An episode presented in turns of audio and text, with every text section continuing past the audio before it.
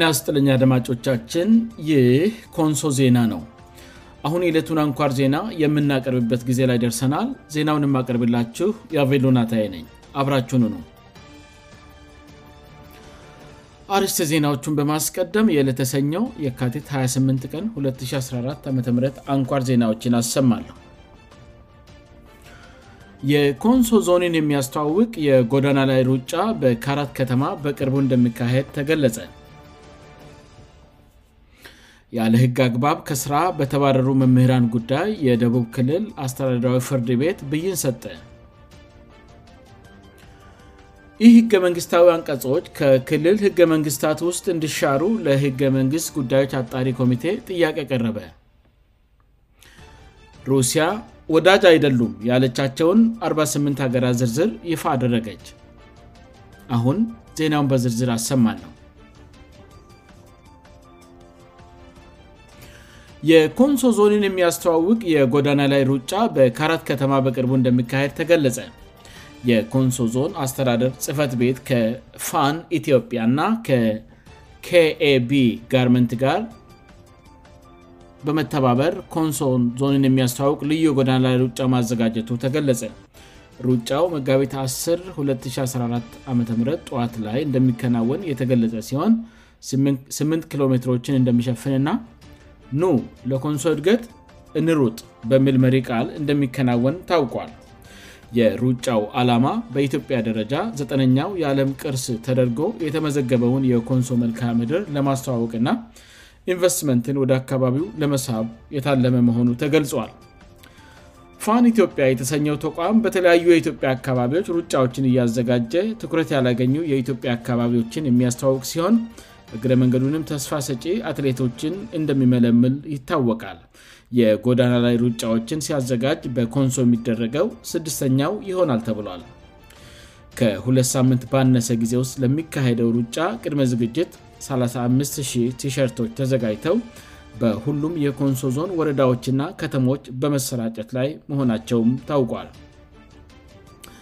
ይህ በእንድህ እንዳለ የተለያዩ አገር አቀፍ የዜና ማሰራጫ አውታሮች በምርሃ ግብሩ ላይ እንደሚገኙ ስለሚጠበቅ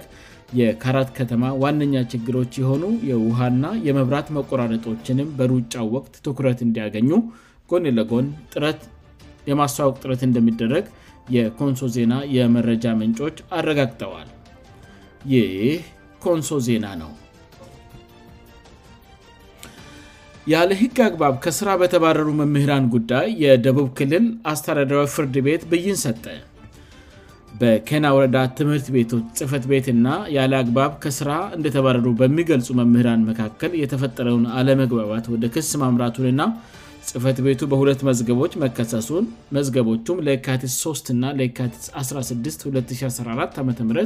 መቀጠራቸውን ከዚህ በፊት መዘገባችን ይታወሳል ለየካቲት 3 214 ዓም የተቀጠረው መዝገብ በዕለቱ በዋለው ችሎት ከታየ በኋላ አስተዳድራዊ ፍርድ ቤቱ ጉዳዩ ወደ አካባቢው ተመልሶ የከና ወረዳ ትምህርት ቤቱ ጽፈት ቤት በአስቸኳይ ችግሩን እንዲፈታ ማስጠንቀቁንም በተመሳሳይ ዘግበን ነበር የደቡብ ክልል አስተዳድራዊ ፍርድ ቤት ባለፈው አርብ የካቲት 25 ቀን 214 ዓም በዋለው ችሎት በሁለተኛው መዝገብ ክስ ጉዳይ ብይን ሰጥቷዋል ፍርድ ቤቱ በከና ወረዳ ትምህርት ቤቶች ጽፈት ቤት ከስራቸው የተባረሩ መምህራን ወደ ስራ ገበታቸው እንድመለሱ እና እስከ ሰነ3214 ዓም የትምህርት ቤቶች ጽፈት ቤቱ እነሱን አሁን በመደበበት ቦታ እንዲቆዩ ከሐም 1 214 ዓ ም ጀምሮ ደግሞ ከአዲስ በጀት ዓመት ጋር በተያያዘ ቀድሞው ይሰሩበት ወደነበሩ ትምህርት ቤቶች እንድመለሱ ውሳኔ ያስተላልፏል ከስራ ተሰናብተው ለቆዩበት ደግሞ ሙሉ ደመዛቸው እንዲከፈላቸው አስተዳድራዊ ፍርድ ቤቱ ውሳኔ አስተላልፈዋል ይህ ኮንሶ ዜና ነው ይህ ህገ መንግሥታዊ አንቀጾች ከክልል ህገ መንግስታት ውስጥ እንድሻሩ ለህገ መንግሥት ጉዳዮች አጣሪ ጉባኤ ጥያቄ ቀረበ በተለያዩ ክልሎች ውስጥ የሚኖሩ ህዳጣን ብሔረሰቦችን መብት የሚጥሱና ከፈዴራሉ ህገ መንግስት ጋር የሚቃረኑ የተባሉ በ8ምንት ክልሎች ህገ መንግሥታት ውስጥ የሚገኙ አንቀጽና ንዑስ አንቀጾች እንዲሻሩ ለህገ-መንግሥት ጉዳዮች አጣሪ ጉባኤ ጥያቄ ቀርበዋል ጥያቄ የተነሳባቸው በሶማሌ በአፋር በሀረሪ በስዳማ በቤንሻንጉል ጉምዝ በኦሮሚያ በደቡብና በጋምቤላ ክልሎች ህገመንግስታቶች ውስጥ የሚገኙ አንቀጾች ና ንዑስ አንቀጾች ናቸው በተጨማሪም በሶማሌ በደቡብና በጋምቤላ ክልሎች ውጭ ባሉ ሌሎች የተጠቀሱ ክልሎች ህገ መንግስታት መግቢያቸውም አቤቱቷ ያቀርበባቸዋል ጥያቄውን ያቀረበው የህግ ባለሙያዎች ለሰብዊ መብቶች የተሰኘ አገር በቀር የሲቪክ ማኅበር በአቤቱታው ላይ የተጠቀሱ የህገ መንግሥታቱ ክፍሎች በክልሎቹ ውስጥ የሚኖሩ ሂዳጣን ማኅበረሰቦችን የፖለቲካ ተሳትፎ መብቶች የሚገድቡ ስለመሆናቸው በጥር ወር ለጉባኤው በአስገባው የ15 ገጽ ማመልከቻ አብራርቷል የፌደራሉን ህገ-መንግሥት አንቀጽ 9 ኒውስ አንቀጽ 1 የሚጠቅሰው አቤቱታው ህገ መንግስቱ የበላይ ህግ መሆኑንና ማናቸውም ህጎች ልማዳዊ አሰራሮችና ውሳኔዎች ከህገ መንግስቱ ጋር የሚቃረኑ ከሆነ ተፈፃምነት እንደማይኖራቸው መደንገጉን ያስረዳል ይሁንና ማመልከቻው አብዛኛዎቹ የክልል ህገ መንግስታት በፈደራል ህገ መንግስቱ ጥበቃ የተደረገላቸውን ሰብአዊ መብቶች እንድሸራረፉና እንድጣሱ ምክንያት ሆነዋል የሚል ወቀሳም አቅርበዋል ወቀሳው ከቀረበባቸው የህገ መንግስታቱ ክፍሎች ውስጥ አንዱ የሆነው የክልሎቹ የህገ መንግስት መግቢያዎች ላይ አግላይ እንደሆኑ የፈደራሉን ህገ መንግሥት አንቀስ 253238እና 4 እንደሚቃረኑ አቤቱታው አስረድቷል መግቢያዎቹ የክልሉን የባለቤትነት ጭምር በስም ለተጠቀሱት ወይም ለተጠቀሰው ብሔርና ብሔረሰብ ብቻ የሚሰጡእና ሌሎች በክልሉ የሚኖሩ ዜጎች ወይም ብሔር ብሔረሰቦች እውቅና የማይሰጡ የሚያገሉና እንደ ሌላ አገር ዜጋ የሚቆጥሩ ናቸው የሚል ገለጻ በአበቱታው ተገልጿዋል በዚህም ምክንያት የህገመንግስቶቹ መግቢያዎች በፈደራሉ ህገ መንግስት የተደነገጉትን የእኩልነት በነፃነት የመዘዋወርእና በመረጡት የአገሪቱ ክፍል የመኖር የመምረጥና የመመረጥ እንዲሁም የንብረት መብቶችን የሚቃረኑ በመሆናቸው ጉባኤው ህገመንግስታዊ አይደሉም በማለት የውሳኔ ሀሳቡን ለፈደረሽን ምክር ቤት እንድልክ ተጠይቋል የትግራይ የአማራና የደቡብ ክልል ህገ-መንግስቶች ይህ ህገመንግስታዊ ተብለው ከተጠቀሱት ክልሎች በተቃዳኔ በመግቢያቸው አግላ የሆነ አገላለጽ የማይጠቀሙና በክልል ውስጥ የሚኖሩ ዜጎችን ሁሉ የህገ መንግስቱ መስራቾች አድርገው የሚቆጥሩእና የሚቀበሉ ስለመሆናቸው በማመልከቻው ተጠቅሷል በህገ-መንግስቶቹ ላይ የተነሳው ሌላኛው ቅሬታ የህዝብ ወሳኝነትን ስልጣን የክልሉ ባለቤት ሆነው ለተጠቀሱ ብሔር ብሔረሰቦች ብቻ የሚሰጡ በየክልሉ የሚኖሩ የሌሎች ዜጎችን ወይም ብሔረሰቦችን ፖለቲካዊ መብቶች እንዲሁም ሌሎች ሰብዊ መብቶቻቸውን የሚገድቡና የሚጥሱ ናቸው የሚል ነው የክልል ህገመንግስታት ለሁሉም በክልላቸው ለሚኖሩ ዜጎች የመምረጥና የመመረጥ መብት የሚሰጡ ድንጋዎች ቢኖራቸውም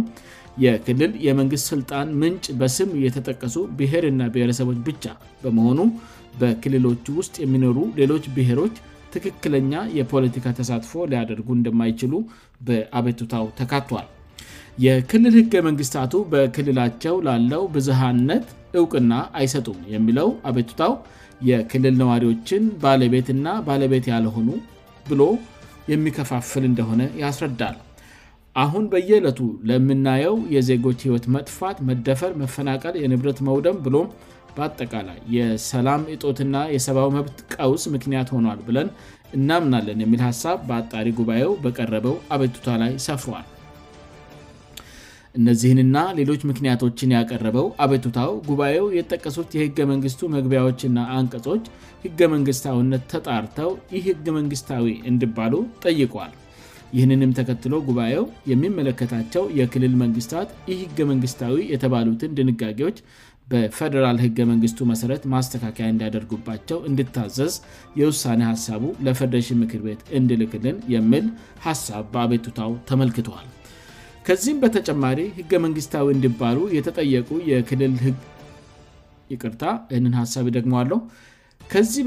ከዚህ በተጨማሪ ይህ ህገመንግስታዊ እንድባሉ የተጠየቁ የክልል ህገመንግስታትን መሰረት አድርገው የወጡ ሌሎች የክልል ህጎች ፖሊሲዎችና አሰራሮች ህገ መንግስታዊነትን መርምሮ ውጤቱን በፌዴሬሽን ምክር ቤት የሚያቀርብ የባለሙያዎች ኮሚቴ እንዲቋቋም እንድታዘዝ አጣሪ ጉባኤው የውሳኔ ሀሳቡን ለፌዴሬሽን ምክር ቤት እንድልክም ተጠይቋል ክልሎች ህገ መንግስት በሚያወጡበት ወቅት ከግምት ሊያስገባቸው የሚገባቸውን ህገ መንግስታዊ መሪሆች በግልጽ አለመቀመጣቸው የአስረዳው አቤቱታው በዚህም የተነሳ የክልል ህገመንግስታት አረቃቀቅ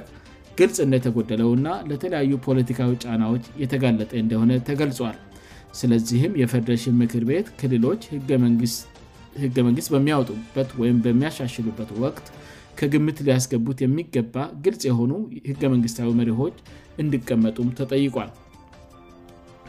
በፌደራል ጠቅላይ ፍርድ ቤት ፕሬዝደንት ሰብሳብነት የሚመራው የህገመንግስት ጉዳዮች አጣሪ ጉባኤ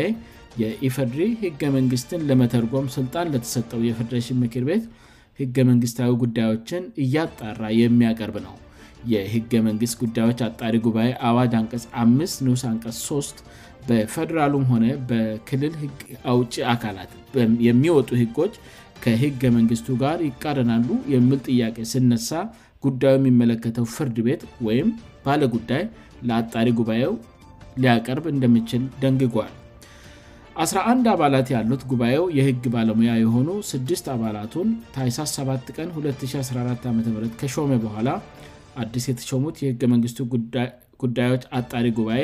አባላት የተገኙበት የመጀመሪያው ጉባኤ የካቲስ 8 ቀን 2014 ዓም ተካሂዷል በዕለቱም አጣሪ ጉባኤው በሦስት ጉዳዮች ላይ መወያየቱ ተገልጿል የጉባኤው ጽፈት ቤት የኮሚኒኬሽን ጉዳዮች ተጠባባቂ ዳይረክተር ይርጋለም ጥላሁን ጉዳዮች ወረፋ ይዘው በቅደም ተከተል እንደሚታዩ ገልጸው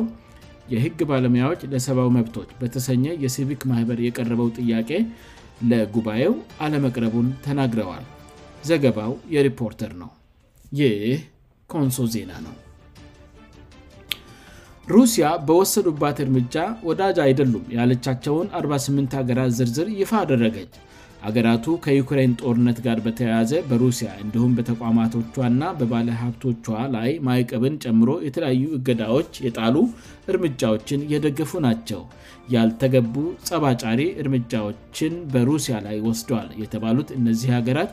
እርምጃዎቹን የተመለከተ የአፀፋ እርምጃ አዋጅ ባወጡት በፕሬዝደንት ቪላድሚር ፑቲን ትዕዛዝ በሁለት ቀናት ውስጥ ተዘርዝረው ዛሬ ይፋ ሆነዋል ዛሬ ሰኞ ይፋ በሆነው ዝርዝር መሠረትም ዩክሬንን አሜሪካን ካናዳን እና የአውሮፓ ህብረት አባል አገራትን ጨምሮ 48 ሀገራት ወዳጅ እንዳይደሉ ተዘርዝሮ ይፋ ሆነዋል በዋናነት ሜራባዊ የሚባሉት አገራት የሚመለከት ነው የተባለለት ዝርዝሩ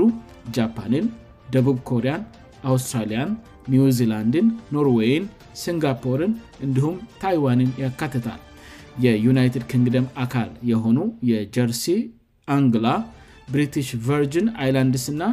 ጅብራልታር እንዲሁም ራስ ገዟን የፈረንሳይ ግዛት ሞናኮን ያካትታል ሞንቴኔግሮ ስዘርላንድ አልባኒያ አንዶራ አይስላንድ እና ለቸንስተንንም ያካትቷል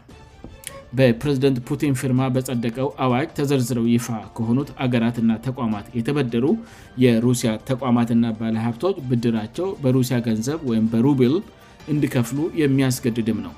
ለዚህም ተበዳሪዎቹ የሀገሪቱን ማይከላዊ ባንክ ፈቃድ ማግኘት አበዳሪዎቹ ደግሞ በባንኩ የሩብል አካውንት መግፈት አለባቸው ተብሏል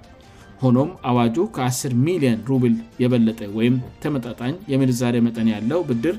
የሚከፍሉ ተቋማትን እና ኩባንያዎችን ብቻ የሚመለከት ነው ተብሏል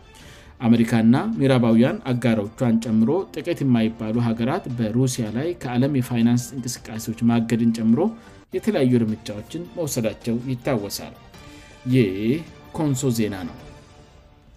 አድማጮቻችን ዜናውን ከማብቃቴ በፊት አርስቲ ዜናዎችን በድጋሚ ያሰማለሁ የኮንሶ ዞኒን የሚያስተዋውቅ የጎዳና ላይ ሩጫ በካራት ከተማ በቅርቡ እንደሚካሄድ ተገለጸ ያለ ህግ አግባብ ከስራ በተባረሩ መምህራን ጉዳይ የደቡብ ክልል አስተዳዳዊ ፍርድ ቤት ብይን ሰጠ ይህ ህገ መንግስታዊ አንቀጾች ከክልሎች ህገ መንግስታት ውስጥ እንድሻሩ ለህገ መንግስት ጉዳዮች አጣሪ ጉባኤ ጥያቄ ቀረበ ሩሲያ ወዳጅ አይደሉም ያለቻቸውን 48 ሀገራት ዝርዝር ይፋ አደረገች ዜናው በዚህ አበቃ አድማጮቻችን የዕለቱ አንኳር ዜናዎቻችን ይህን ይመስሉ ነበር ስላዳመጣቸውን እናመሰግናለን ኮንሶ ዜና ሮብ ምሽት በተመሳሳይ ዝግጅት እንደሚጠብቁት ተስፋ ያደርጋል እስከዚያው